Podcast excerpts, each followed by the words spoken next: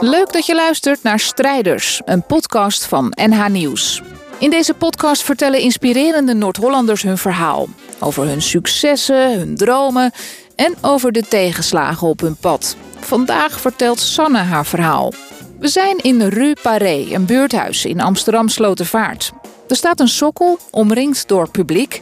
En op die sokkel staat een eierdoos met een ei daarin. Daarachter staat een foto van twee kippen. Sanne vertelt haar verhaal. Ik heb een uh, ei meegenomen. Uh, dit ei is van een van mijn kippen, ik weet natuurlijk niet welke. En op zich is het natuurlijk niet bijzonder, een ei, want uh, heel veel kippen leggen eieren. Maar toch is het bijzonder.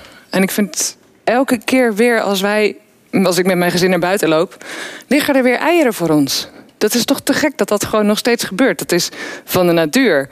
En ik, ja, dat is bij ons, weet je, je geeft iets aan de natuur. We geven ze eten, we geven ze een mooie tuin om rond te lopen.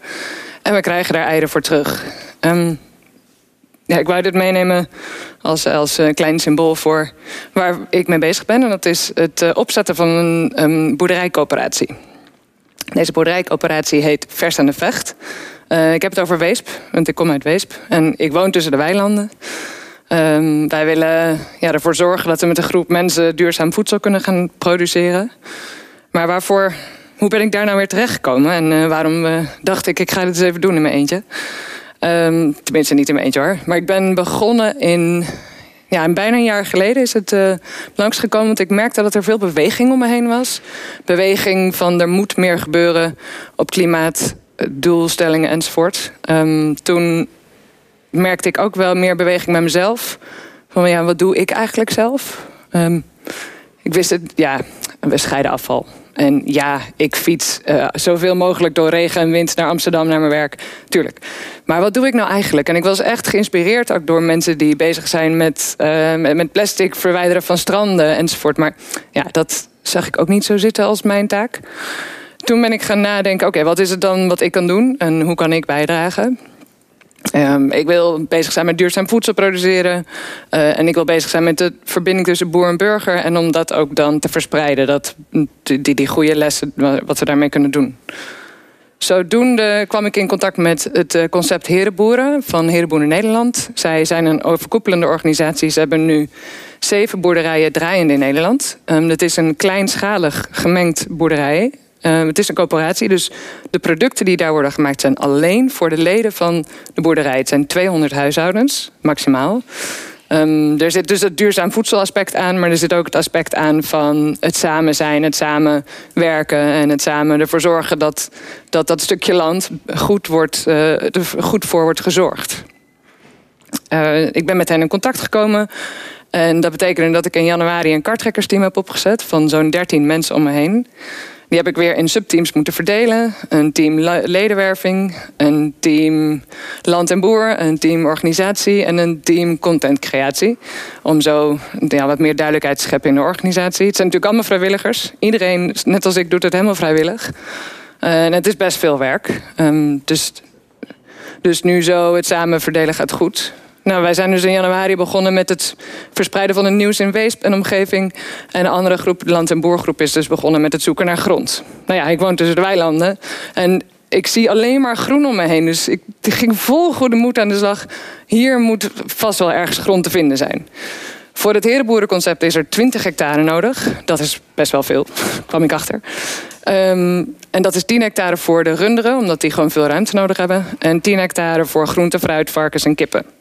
Um, daar ben ik naar op zoek gegaan. Dat bleek um, moeilijk te zijn. Maar ik heb twee, drie gesprekken met boeren gehad. Vergaande gesprekken. Die echt mij, mij goed gezind waren en met mij wilden samenwerken. Maar op het einde zeiden nee. Nee, we gaan niet met je verder. Die grond, hier in de omgeving van Amsterdam en Weesp, is gewoon zo duur betaald. Die konden dat niet voor met ons in hun toekomst zien. Dus dat viel tegen. Um, ja, toen moest ik verder met het team. Intussen waren de andere teams bezig met draagkracht creëren, creëren in Weesp. En omgeving. Hè. We hebben het ook over om, omgeving. Dus ik spreek ook mensen in Diemen, Muiden, Nederhorst. Helemaal in onze omgeving. Nou, dat, dat ging hard. Ik, ik was echt overweldigd door het enthousiasme van iedereen die mee wil doen. En die dus de inleg wil betalen of die mee wil denken. ik krijg tips uit alle hoeken en gaten. Ook met de gemeente, ook met de provincie. Dat is, ja, dat is zo fijn om dat te merken. Maar goed, dan komen we eigenlijk weer terug bij de kip en het ei. Want ik kan wel het een heel goed gaan, maar als ik nog steeds geen grond heb, heb ik ook nog geen boerderij. En kan ik die leden weer niet bedienen. Um, dus het blijft een continu kip-en-ei verhaal. Daarom hebben we nu besloten om meer te focussen op grond natuurlijk. Want dat blijkt veel moeilijker drempel te zijn uh, om die uh, overheen te komen dan dat ik dacht. Um, zo zijn we in contact gekomen met de Groene Griffioen. Dat is een biologische melkveehouder in Weesp en vlakbij Amsterdam ook wel. En hij staat heel welwillend tegenover ons. Um, we hebben goede gesprekken, al een aantal goede gesprekken gevoerd. Dat duurt allemaal lang natuurlijk, want de Groene Griffioen moet weer praten over de pachtstukken um, die hij met de provincie moet regelen. Um, maar we zijn nu op het punt aangekomen uh, dat wij als coöperatie vers aan de vecht met de Groene Griffioen hebben besloten om samen te gaan werken. Want we hebben dezelfde doelstellingen. Dus dan kunnen we wel moeilijk gaan doen over de provincie of reglementen, want die zijn er heel veel drempels die we nog over moeten gaan. Gaan we proberen, gaan we doen. Um, maar we gaan het wel samen doen met hen. En dat komt omdat we dezelfde doelstellingen hebben, zoals biodiversiteit halen in het gebied. Zoals de keten zo kort mogelijk houden, de voedselketen. Dus zo alles zo dichtbij mogelijk de groene griffioen houden. Hoeft niet per se een fysieke afstand te zijn. Um, dan wat de Groene Griffioen al doet en wat wij ook echt graag willen, is boer en burger dichter bij elkaar brengen. Want ja, dan, dan, dan weet je waar je voedsel echt vandaan komt. Ik vind het voor mijn kinderen heel belangrijk. Dat is eigenlijk mijn allereerste drijfveer geweest om het voor mijn kinderen, voor mijn gezin te laten zien. Kijk, zo kan het met voedsel. Dus ik heb um, als laatste en belangrijkste doelstelling, ook samen met de Groene Griffioen, om ervoor te zorgen dat middels educatie, dat we allemaal weten wat er gebeurt. En dan met educatie hoeft dus niet alleen te zijn voor onze leden, want dat is een belangrijkste eerste groep, maar voor Weesp en voor Nederland. En ook voor heel Europa of verder in de hele wereld wil ik laten zien hoe het kan. Dus ik wil echt een leading example zijn dat het kan ook vlakbij Amsterdam. Dat kan ook. We gaan ervoor. Dan is natuurlijk nog wel de vraag: ga je verder met Herenboeren Nederland? Uh, want Herenboeren Nederland heeft natuurlijk 20 hectare. En ik heb het bij de Groene Griffioen over een stukje van 5 hectare voor ons. Um, dat weten we nog niet. Dat is nog, dat, daar kan ik nog niks over zeggen. We zijn in gesprek. En we, we, willen sowieso met hen verder, want ze hebben een prachtig concept. Um, maar in welke vorm we met Herenboeren Nederland verder gaan, is nog niet duidelijk. En kom ik eigenlijk aan het eind van het verhaal. En dat is dat ik weer terugkom met de cirkel van, van de kip en het ei.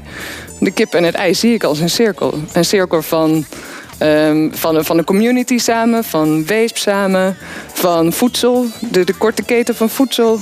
Eigenlijk de cirkel van het leven. Komt weer terug bij de kip en het ei. dat was het.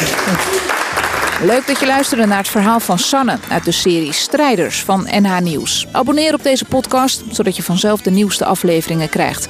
En leuk ook als je een reactie achterlaat. Alles over onze strijders vind je ook terug op nhnieuws.nl/slash strijders.